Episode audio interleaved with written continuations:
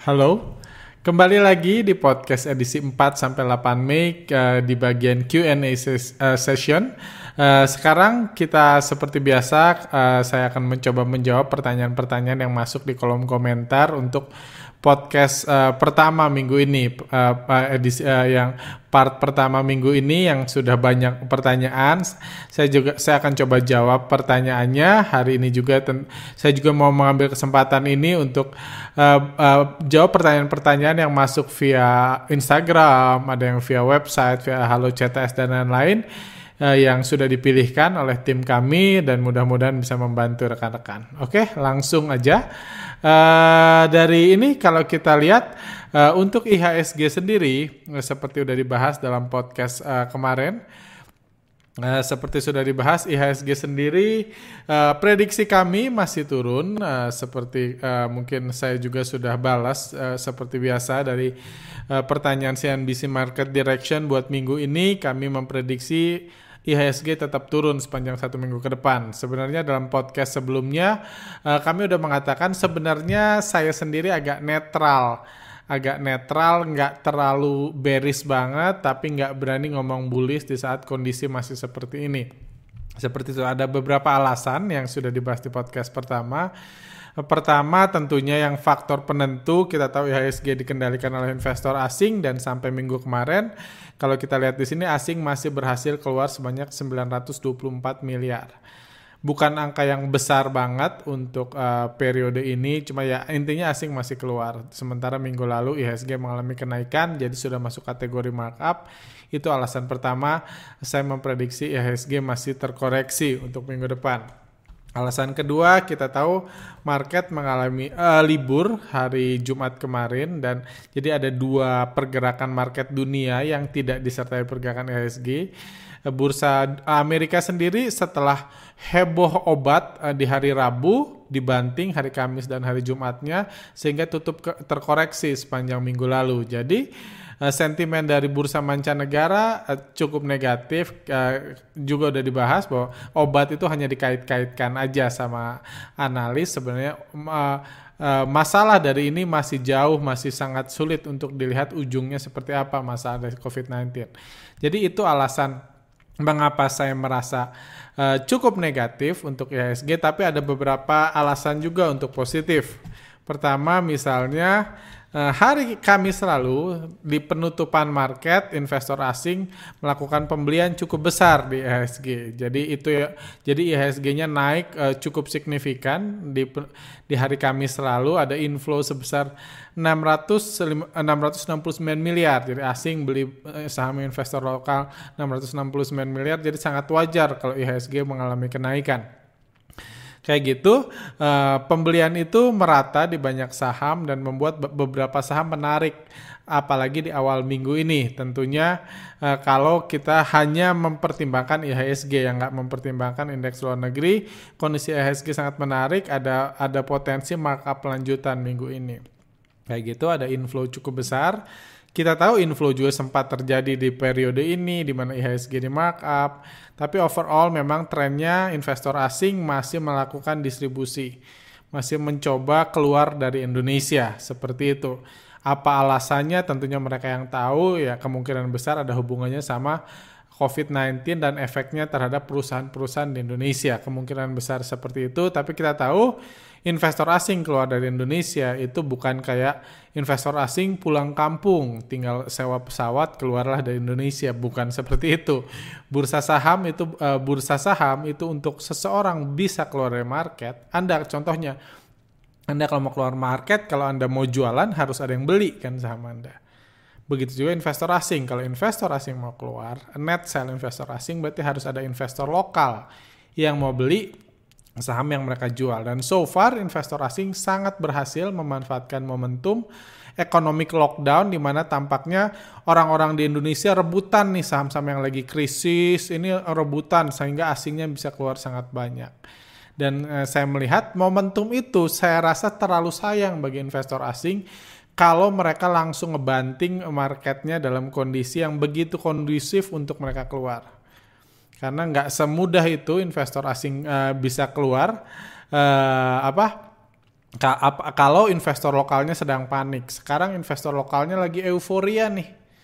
Lagi euforia, kita tahu investor lokal mungkin ya memang kepercayaannya terhadap fundamental memang sudah hilang juga anyway.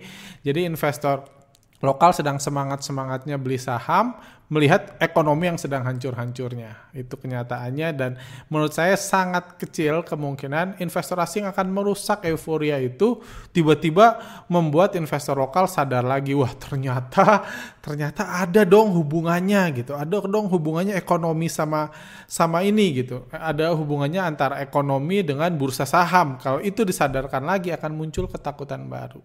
Dan kalau investor lokalnya takut, investor asing akan sulit buat keluar. Jadi itu sentimen positif yang ada di bursa kita. Jadi so far antara positif negatif, saya masih memilih untuk slightly negatif untuk minggu depan. Cuma kembali lagi itu hanya tebakan dan harapan saya kayak gitu kita bisa menebak sendiri at least saya jelaskan poin-poin yang membuat saya uh, mengatakan uh, IHSG akan negatif kayak gitu jadi seperti dibahas untuk ini untuk CNBC sendiri kami kembali mengatakan bahwa market akan bearish. Kayak gitu. Saya survei di bursa, uh, survei investor di Instagram, uh, 54% menganggap IHSG akan kembali turun minggu depan. Nah, ini menarik karena survei ini kalau kita pelajari ini sudah tujuh minggu berturut-turut kalau nggak kalau nggak salah salah terus. Jadi ini memang survei investor retail ini salah satu acuan yang baik untuk melihat bandar mau ngapain. Karena kembali lagi ketika investor asing beli berarti bandarnya jualan. Investor retail beli berarti ada bandar yang jualan. Jadi itu jadi ini bisa sentimen positif lain di mana investor uh, di pooling investor uh, pooling di Instagram kami menyatakan 54% market uh, percaya IHSG akan turun which is ya nggak besar sih. Saya ingat uh, di di bulan Maret lalu ketika 80% uh, percaya IHSG bakal turun itu adalah kenaikan terbesar sepanjang sejarah IHSG mungkin di minggu itu. Ketika mayoritas investor retail memprediksi bakal turun sedang panik kembali lagi.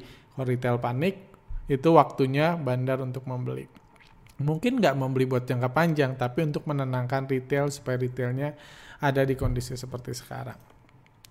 Uh, seperti itu, uh, langsung aja kita. Uh, jadi untuk IHSG itu langsung aja kita akan buka pertanyaan-pertanyaan yang masuk di sini.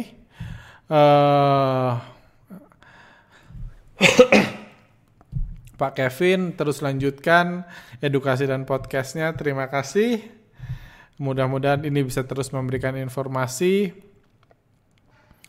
Uh, Pak Herdi, oh tolong bahas BBRI. Nanti saya akan bahas BBRI. Mungkin di uh, saya nggak akan lupa untuk bahas BBRI. Pak Arga mantap, nggak capek buat video dari gathering online tanggal 30 tadi pagi upload, malam ini upload lagi luar biasa. Anda anda tidak menjanjikan kesuksesan namun memberi cara bagaimana untuk menjadi sukses. Oh, thank you banget pujiannya uh, senang di awal ngeliat komentar seperti ini. Thank you banget pujiannya untuk Pak Herdi. Ya mungkin videonya banyak itu simply karena ya ya saya kan sebenarnya menyebut ini pun sebenarnya podcast bukan video karena biasanya kalau kita lihat youtuber-youtuber gitu video ya harus ada lighting, harus ada editing, harus ada segala macam lah harus ada makeup artis, pokoknya dibuat semaksimal mungkin supaya terlihat sebagus mungkin videonya. Sementara video ini dibuat natural, one take langsung diupload langsung diinikan. Jadi itu yang buat cepet sih gitu. Yang lain mungkin ha harus banyak uh, versi. Ini karena tujuannya buat sharing kayak gitu. Sementara yang lain kan banyak tujuan. Sampai kita lihat bahkan ada orang sampai harus keluar negeri buat video YouTube. Buat video YouTube market Indonesia harus di New York gitu which is saya sih nggak ngerti kenapa kayak gitu. Mungkin dia punya tujuan lain cuman saya sendiri hanya hanya di rumah dan di kantor jadi jauh lebih cepat thank you buat ininya bahas BTPS oke saya catat ada BRI BTPS sambil saya ketik di sini nah ini Pak Aryo salah satu ini uh, spesialis bandarmologi modus bandar real bikin undian berhadiah ya tidak lain agar barangnya bisa didistribusikan dengan laris kepada retail yang iming-iming uh, iming-iming hadiah mobil dan lain-lain. Yang retail tidak sadar adalah bandar selalu punya banyak nomini atas atas nama yang ujung-ujungnya akan menampung sendiri hadiah mobil dan rumah tersebut alias keluar kantong kanan masuk kantong kiri. Yang ka kasih hadiah bandar yang dapat hadiah juga kroni-kroni si bandar ini.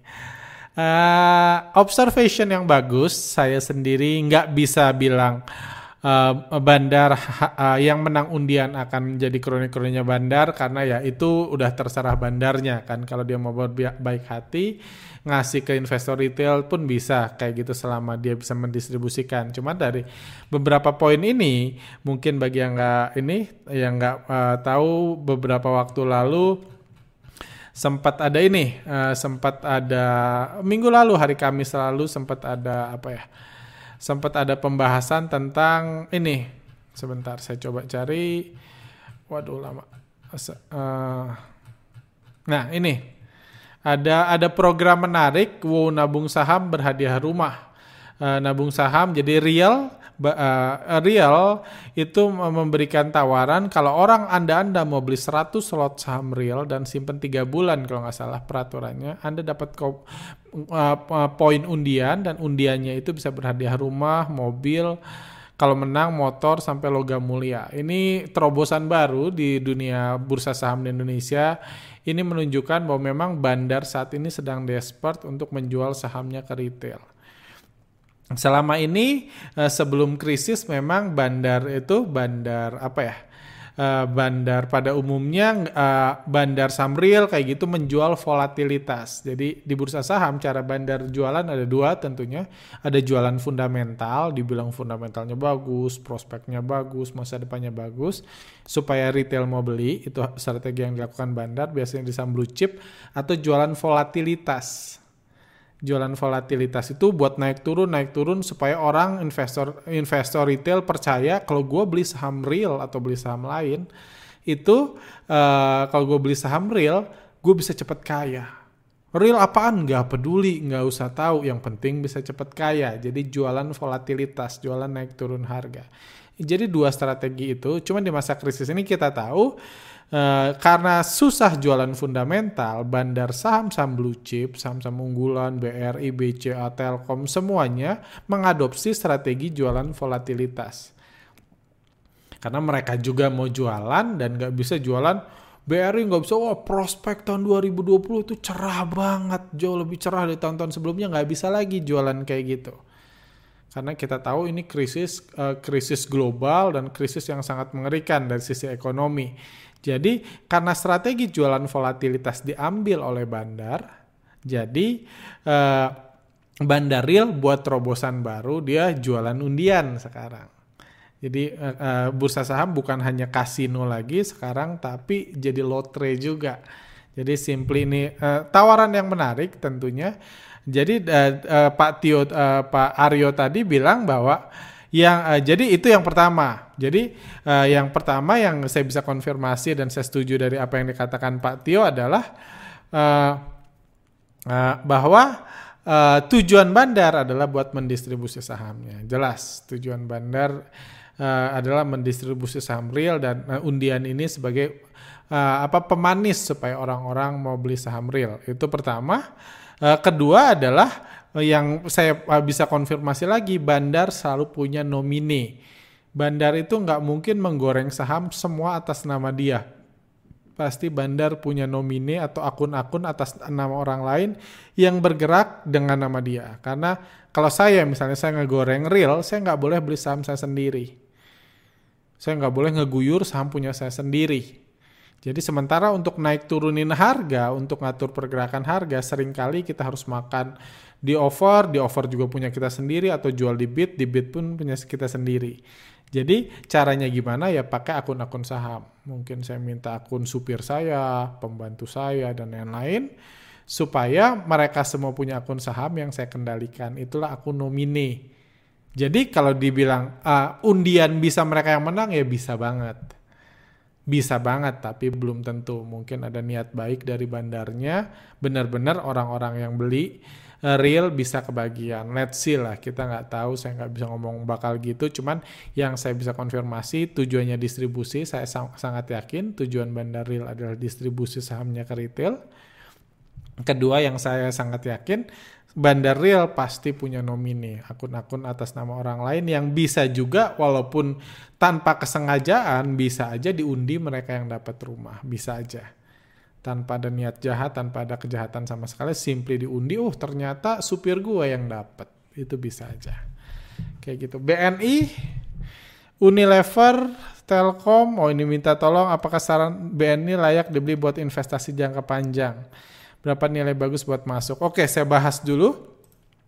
Uh, tadi udah uh, pertama BRI. Oh iya, sebentar. Saya ada pertanyaan juga dari tentang BRI dari ini uh, yang masuk via saya lupa ini via email atau apa. Tadi saya baca sekilas. Uh, saya investor baru saya baru masuk di bulan April kemarin oh, investor baru oh, baru berarti baru sebulan dan sekarang sudah rugi lebih dari 50 juta oke okay? karena waktu masuk disarankan beli BRI nah oleh oke okay. uh, eh, jadi dia disarankan beli BRI oleh seseorang bisa minta saran pada yang apa yang harus saya lakukan. Saya masih ada tabungan yang masih bisa dan masih bisa average dan BBRI tapi takut harganya terus turun ke depannya. Oke, okay, basically tadi juga nanya BRI update-nya gimana. Satu bilang mau average dan BBRI udah rugi 50 juta, investor baru cuma takut terus turun. Oke. Okay. Uh, gimana ya? Jadi uh, overall kita lihat sederhana aja BRI ini dibandari oleh asing. Jadi resiko untuk memegang BRI akan terus bertambah tinggi ketika asing terus jualan. Sementara kalau asing beli, BRI naik. As simple as that. Kayak di sini asing beli di bulan Desember naik, di awal 2020 naik, terus asingnya jualan ya turun. Sesimpel itu. Jadi resiko pegang BRI tentunya semakin naik semakin naik saat ini bahkan hari Jumat kemarin ketika beberapa saham blue chip e, dibeli asing BRI tetap dijual asing meskipun harganya naik.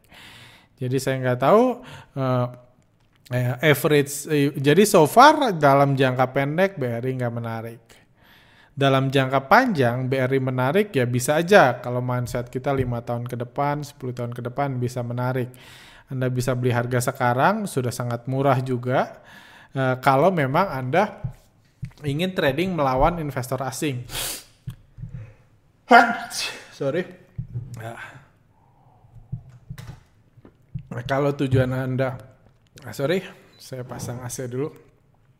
Kalau tujuan Anda trading melawan investor asing, ketika asing jualan bisa Anda beli. Cuman tentunya belinya bertahap, jangan sekali beli.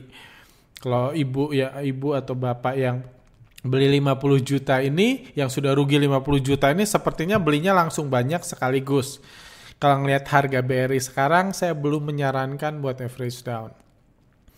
Saya juga nggak tahu tabungan yang dipakai itu tabungan seberapa besar tabungannya dan seberapa butuh dia akan tabungan itu kalau misalnya dia nyangkut di BRI setahun ke depan. Kalau Anda masih merasa, oh safe setahun ke depan pun saya nggak butuh, Anda bisa melakukan average down. Cuman saya saat ini nggak memilih untuk membeli BRI, karena uh, krisis uh, COVID-19 ini akan berpengaruh besar terhadap bisnis perbankan, itu yang pertama.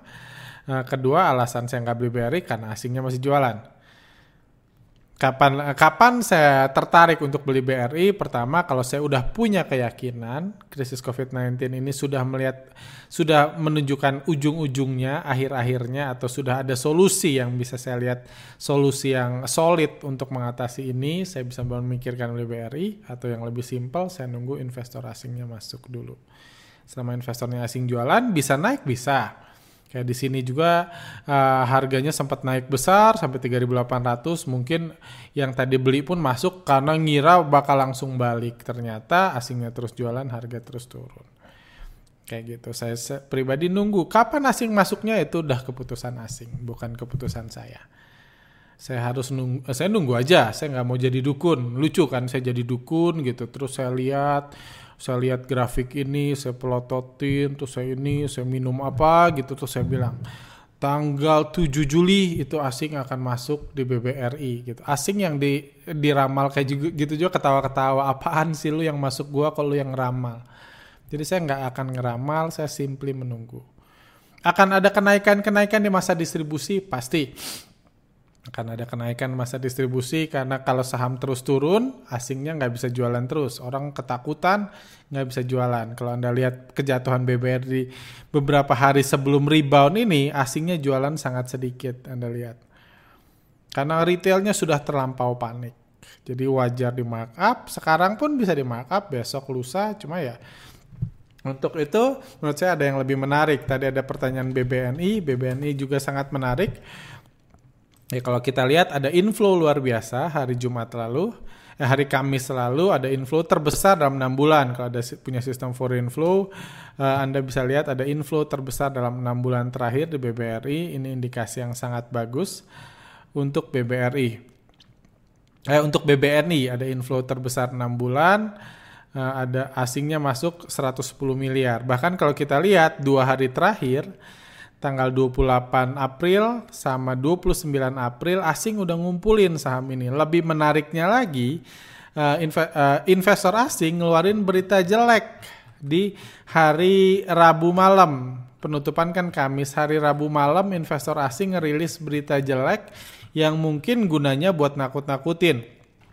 Bagi rekan-rekan yang ini Eh, rekan-rekan uh, yang follow Telegram kami, Anda bisa lihat uh, kami waktu itu broadcast langsung hari hari ini malam jam 7 malam kami broadcast SNP pangkas uh, Outlook Mandiri BRI BNI. SNP ini tentunya lembaga asing dan dia mau jualan. Dia bilang pangkas Outlook. Jadi dia memberikan uh, outlook negatif buat Mandiri, BRI dan BNI. Saya kami langsung bilang setelah diguyur asing sebulan lebih baru dikasih rating negatif. Semoga ini tanda-tanda asing mau mau buat panik supaya bisa belanja lagi. Karena kembali lagi seperti bilang asing untuk asing masuk, untuk asing keluar itu butuh lokal beli. Untuk asing masuk butuh lokal jual. Gimana cara eh, membuat uh, lokal mau jualan? Pertama bisa dibuat panik, artinya dibanting, harganya jauh, atau dikeluarin berita-berita kayak gini outlooknya dibilang negatif dan lain-lain. Eh, BNI sendiri bahkan sudah dibeli sebelum berita itu. Jadi ini salah satu saham yang menarik untuk diperhatikan untuk trading jangka pendek. Uh, melihat potensi markup IHSG berlanjut, BNI sesuatu salah satu saham yang bisa diperhatikan. Oke, tadi ada pertanyaan apa lagi untuk saham-saham? Saya coba baca. Eh, BNI udah, Unilever, Unilever, ICBP tadi apa yang di atas? Uh, Oke. Okay. Unilever dulu. Unilever. Unilever ini saham yang kemarin dibahas di podcast sebelumnya. Ketika kita lihat kondisinya kurang lebih kayak BNI kalau nggak salah.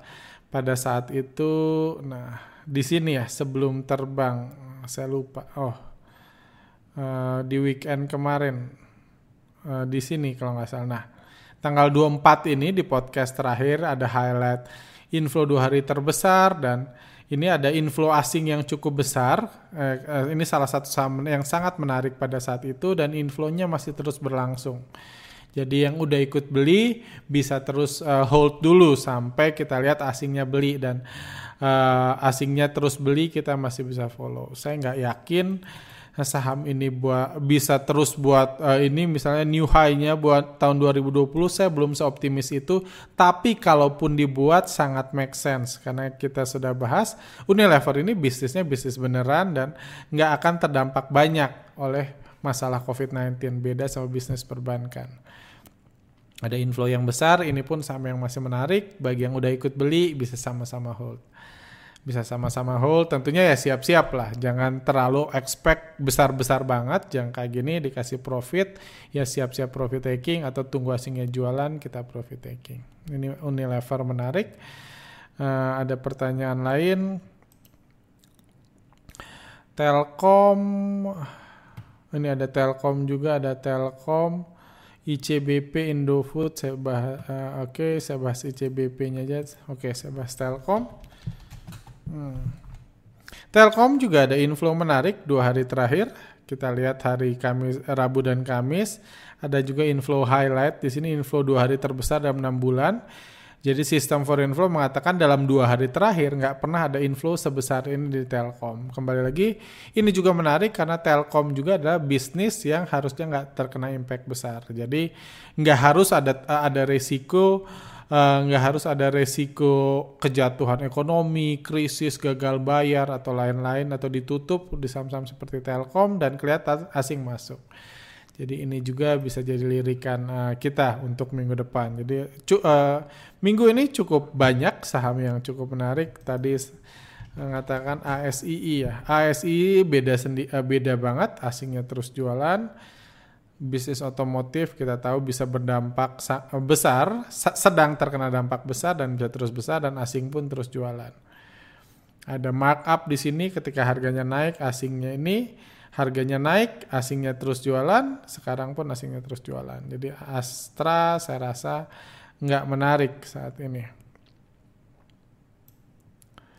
Uh, Oke, okay.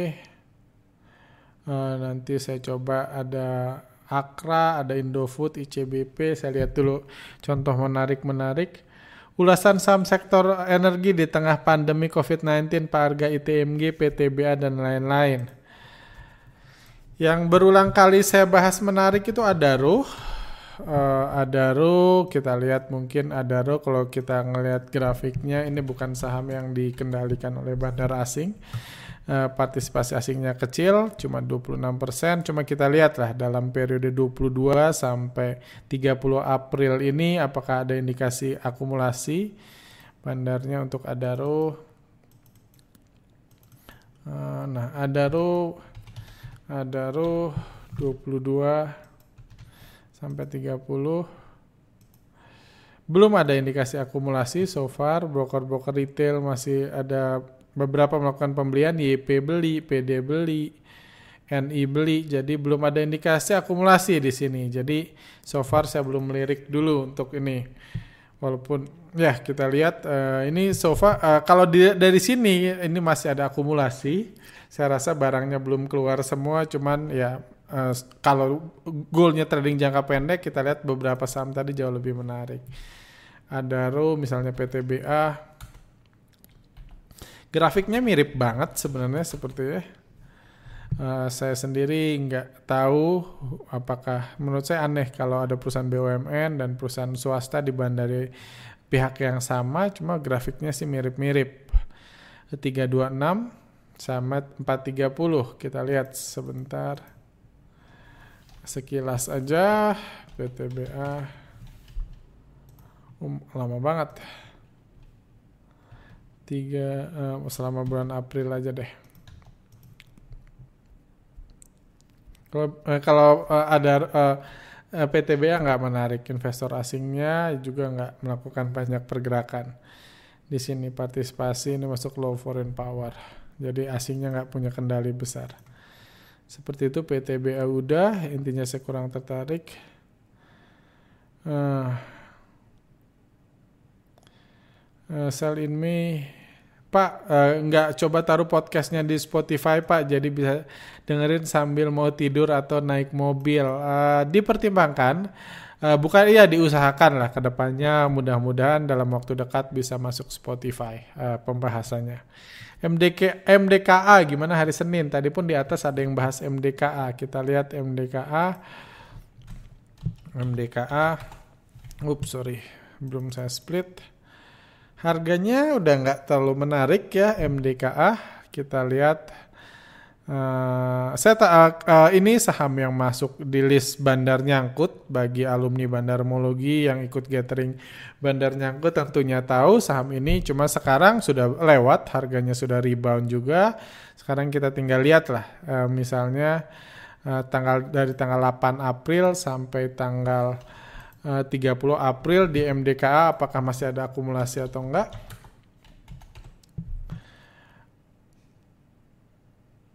hmm, agak susah melihatnya. E, kalau lihat sekilas, saya rasa belum sih, belum ada akumulasi. Jadi kembali lagi saya milih wait and see untuk saham ini dan kembali lagi kalau kita kan mungkin sekarang hanya trading jangka pendek. Saya lebih menyarankan beberapa saham yang dibahas tadi kalau mau beli. Cuma belum ada tanda bahaya. Ada akumulasi bandar yang cukup baik di sini dan di uh, ketika turun dan ketika naik. Jadi saham ini uh, masih cukup aman menurut saya dari kejatuhan yang mengerikan masih cukup aman. Uh, cuma ya belum ada indikasi bandarnya lagi akumulasi lagi kayak gitu. Seperti itu, kita buka pertanyaan lainnya. Anta mungkin di ini. Konstruksi dan mining Unilever udah. USBP, USBP sih masalahnya banyak, saya rasa belum ada ini. Tolong masalah COVID dipersingkat. Uh, Oke, okay. uh, oke, okay. menarik karena belum berubah. Oke, okay. uh, thank you masukannya buat Pak Beni. Mungkin ke depan kita akan coba persingkat. Uh, setuju ketidaktahuan retail menyebabkan. Oke. Okay. Oh ya, ini menarik bisa dibahas. Analisa foreign flow ini cocok hanya untuk signal uh, jadi signal saja bukan keputusan untuk masuk dan keluar bursa karena kalau terpaku foreign flow maka Anda tidak akan pernah masuk bursa tapi jualan uh, tapi jualan maka takut yang nggak akan masuk-masuk. Saya nggak ngerti maksudnya tapi jualan maka takut. Cuman uh, ya ya ini uh, penilaian sih menurut saya uh, hanya cocok jadi signal tapi bukan keputusan masuk atau keluar. Ini aja saya agak bingung maksudnya jadi signal signal apa ini kalau bukan masuk dan keluar. Intinya Analisa foreign flow sederhana, intinya adalah kita mengikuti pergerakan asing. Sesimpel itu. Untuk saham-saham yang dibandari asing, kita mengikuti pergerakan asing. Uh, ini bukan workshop foreign flow, jadi nggak mungkin saya bahas panjang. Cuman basically kita ikutin asing. Kalau asingnya beli, kita beli. Asing jual, kita jual. Kalau sekarang ada banyak saham yang kita lihat tadi ada Astra, ada uh, eh, BNI atau B, BRI yang harganya bisa naik tapi asingnya masih jual. Itu pun ada terjadi dan saya udah biarkan saja. Uh, maksudnya memang akan selalu ada markup. Memang jauh lebih susah kalau kita uh, trading jangka sangat pendek memanfaatkan markup asing. Cuma memang ya itu pun bisa kita jadikan acuan. Kalau harganya rebound tapi asingnya cuma markup ya kita trading jangka pendek. Kalau dari saya sih seperti itu. Uh, Pak Arga mau tanya, untuk saham-saham yang dikuasai bandar lokal, apakah umumnya akan membuat retail-retail menjadi terjebak seumur hidup? Sebe uh, seperti Bandar Grup Bakri, Lipo, Bencok, setelah selesai mendistribusikan sahamnya ke retail, akhirnya nggak akan pernah naik lagi. Jadi cara kerja bandar lokal umumnya pasti membuat rugi investor retail dong Pak. Waduh, uh, yang pasti uh, uh, ini ada banyak poin yang nggak bisa dibahas singkat. Yang pasti yang jelas adalah kalau bandar sudah mendistribusi uh, uh, mayoritas sahamnya sudah di retail, memang sahamnya sudah bye bye. Uh, kami belum pernah dengar ada cerita saham yang sudah jadi saham sejuta umat bangkit jadi saham multi bagger belum pernah. Saya trading 12 tahun belum pernah ngeliat kayak gitu karena retail ya retail udah dikasih saham ya udah kan cuma bisa berharap dan berdoa harganya naik yang bisa naikin bandar retail bisa setengah mati liatin lapor la, laporan keuangan tiga hari tiga malam itu nggak merubah apa-apa kalau bandarnya nggak naikin. Itu benar cuman tentunya uh, bukan berarti uh, invest uh, membuat investor retail rugi. Investor retail itu ada sejuta lebih di Indonesia jadi nggak mungkin rugi semua. Ada aja yang bisa memanfaatkan momentum pergerakan bandar lokal di ini pergerakan bandar lokal untuk melakukan akumulasi uh, ketika bandar lokalnya akumulasi kita akumulasi kita kita jual kita jual kayak gitu. Jadi ini mungkin kasus-kasus khususnya aja Bakri Lipo dan Bencok. Bencok sendiri sebenarnya kasusnya berbeda dengan Bakri dan Lipo karena Bencok itu dianya yang diganggu. Dianya diganggu jadi dia memutuskan untuk markirin saham-saham yang dia kendalikan ke 50 bukan karena dia selesai mendistribusi itu yang mungkin bisa saya share. Jadi cuman retail, apakah retail pasti rugi beli saham yang di bandari lokal ya nggak juga kan retail ada jutaan, nggak mungkin semuanya nggak bergerak samaan. Ada yang beli, ada yang jual, ada yang mutusin ngelawan asing, ada yang mutusin ngelawan bandar lokal, atau ada yang mutusin simply ngikutin. Masing-masing retail ada beda-beda. HMSP mungkin ini lagi hot, BRI, BNI sudah dibahas. Uh, Pak Arga, apakah kenaikan saham Unilever dan ICBP justru menandakan kalau big player semakin bermain aman di IHSG? Saya merasa saham Unilever, ICBP, BRPT, TPA dinaikkan untuk stabilitas IHSG supaya tidak ambruk karena bersamaan big player uh, memutuskan untuk jualan saham-saham perbankan yang memang bisnisnya lebih terancam COVID. Good point. Uh, good point. Uh, Unilever, UCBP terlihat banyak diakumulasi asing memang benar dan itu untuk menyeimbangkan IHSG ya. Ya ini good point sih saya rasa ada kemungkinan ke situ sehingga meskipun IHSG-nya sudah jatuh uh, saham perbankannya terkoreksi, saham yang diborong retail terkoreksi uni karena Unilever naik, BRP TTPA naik, IHSG-nya nggak terlalu turun ya. Itu poin yang bagus. Uh, ya. Ya itu good point sih saya rasa apakah uh, big player bermain aman? Yes, tentunya uh, saya rasa Uh, big wajar big player bermain aman karena dia punya saham nggak 100-200 lot. Kalau investor asing mau jualan nggak bisa kayak saya. Saya mau liburan sehari saya jual semua bisa. Ya karena saham saya berapa sih? Berapa sih nilai saham saya? Saya nggak harus jualan 5 bulan untuk jualan. Misalnya, sorry. Oops, sorry. Alarm sudah uh, sudah 35 menit. Uh, uh, sudah ini jadi memang buat keluar. Cuma kalau BRPT dan Tepia saya rasa memang ini another story, bukan investor asing. Memang salah, Bapak AA itu, Bapak Panigoro, Pak Arifin Panigoro itu salah satu tokoh yang punya peran besar untuk menaikkan IHSG melalui dua saham ini. Dan menurut saya itu udah beda story lagi dari aksi jual asing. Cuma kebetulan itu membalance. Cuma poinnya sangat bagus. Masuk akal dalam keadaan kelaparan, makanan busuk pun diperebutkan. Betul, itu yang saya bahas. Uh, kalau beli Samril berapa lot? Ini ini, oh saya rasa boleh bahas saham real Pak Arga, kenapa waktu satu bulan ke belakang broker YP justru memiliki net buyer terbesar? Bagaimana prospek real ke depannya? Sudah dijelaskan. Uh, broker YP dalam satu bulan terakhir kita lihat dulu aja, udah itu saya bahas uh, uh, eh, BTPS ada beberapa yang bahas, uh, yang minta saya bahas BTPS dan HMSP mungkin terakhir, udah itu saya sudah biar nggak terlalu lama.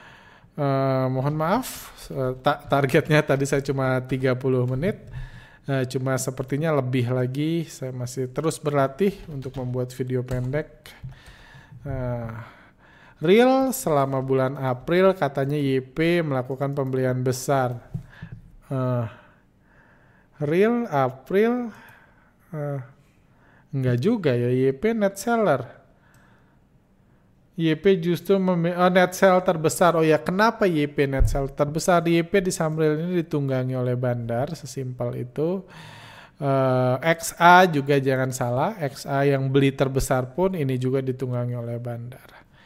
Jadi intinya cerminan retail ada di KK, CC, PD, NI, dan lain-lain. YP ini beda sendiri dan sangat aneh eh, retail bisa beda sendiri kayak gini.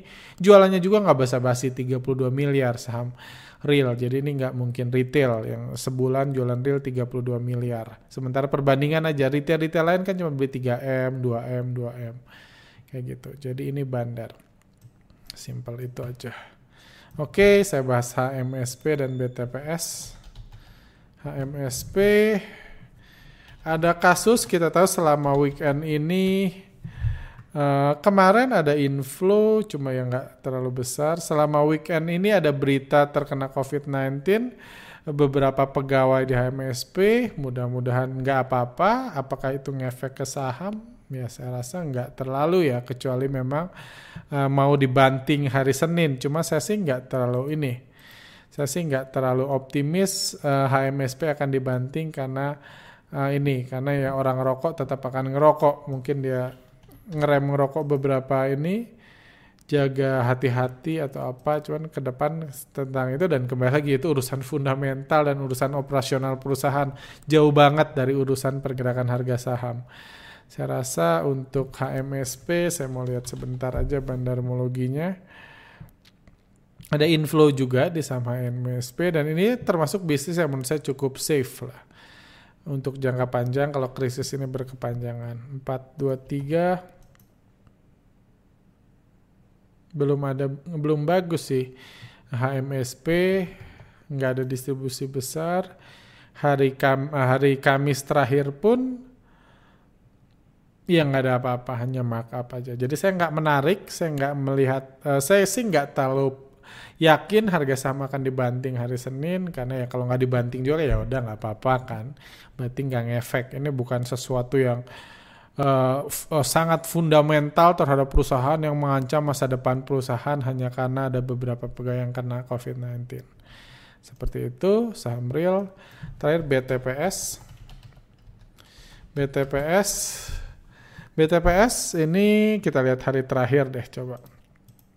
Tadi saya lihat BTPS ini saham yang somehow jadi populer di ada akumulasi besar kita lihat hari hari Jumat kemarin BKCS itu melakukan pembelian cukup besar broker-broker retail beli jualan semua kompak cut loss di bawah jadi ini indikasi yang bagus tentunya. Uh, kalau kita lihat full story-nya anggap dari 46 sini sampai sebelum naik 46 sampai 429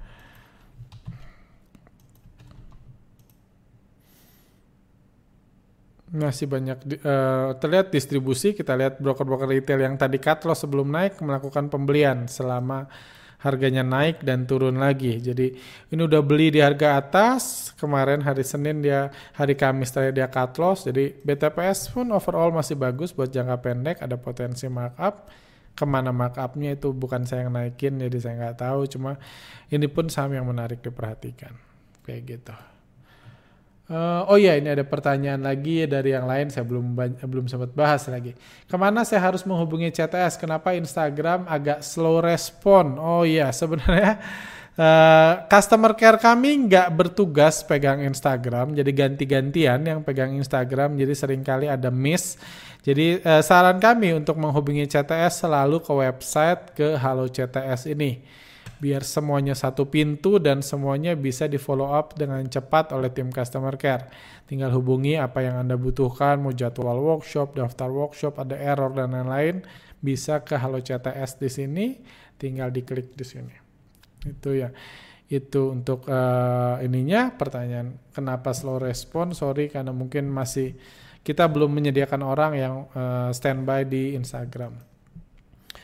Uh, saya senang dengan podcast dari CTS. Saya investor pemula, oh pemula juga, dan mau belajar dari CTS karena menurut saya CTS niatnya membantu, bukan niat jualan. Oh kami jualan juga loh, uh, tanpa peduli nasib investor ke depannya. Oh at least kami peduli.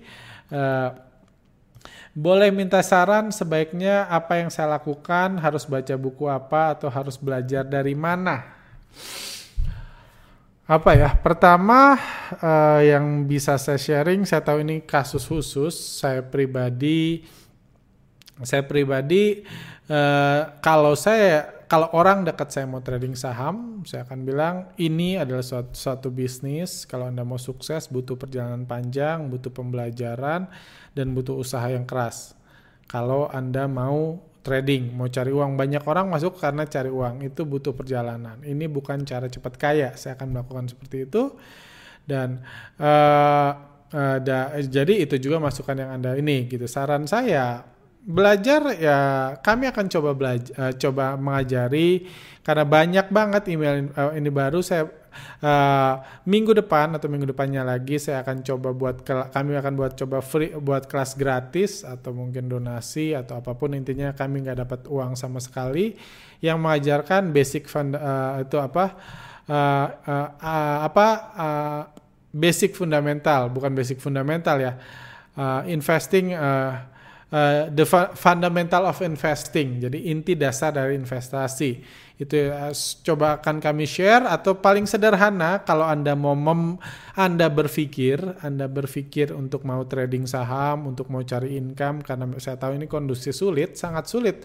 Uh, kalau kalau kondisi normal saya bilang orang saya mau nekat mau jadi trader trader saham saya bilang pikir-pikir dulu deh mendingan lu urus bisnis lu kalau kondisinya normal sekarang kan kondisinya nggak normal saya nggak bisa ngelarang orang berusaha untuk cari uang. Cuma saran saya, pertama jangan terlalu percaya siapa pun. Jangan terlalu percaya siapa pun karena di, uh, di bisnis saham, nah, dalam bisnis, dalam hidup, orang yang akan menyebabkan Anda sukses itu hanya Anda sendiri. Anda boleh dengar banyak hal, da, ambil poin-poin yang Anda percaya, coba praktekkan itu satu. Kedua mungkin biar Anda tahu realita market, Anda mungkin kalau punya teman yang udah trading 5 tahun, 6 tahun, coba ajak ngobrol mereka.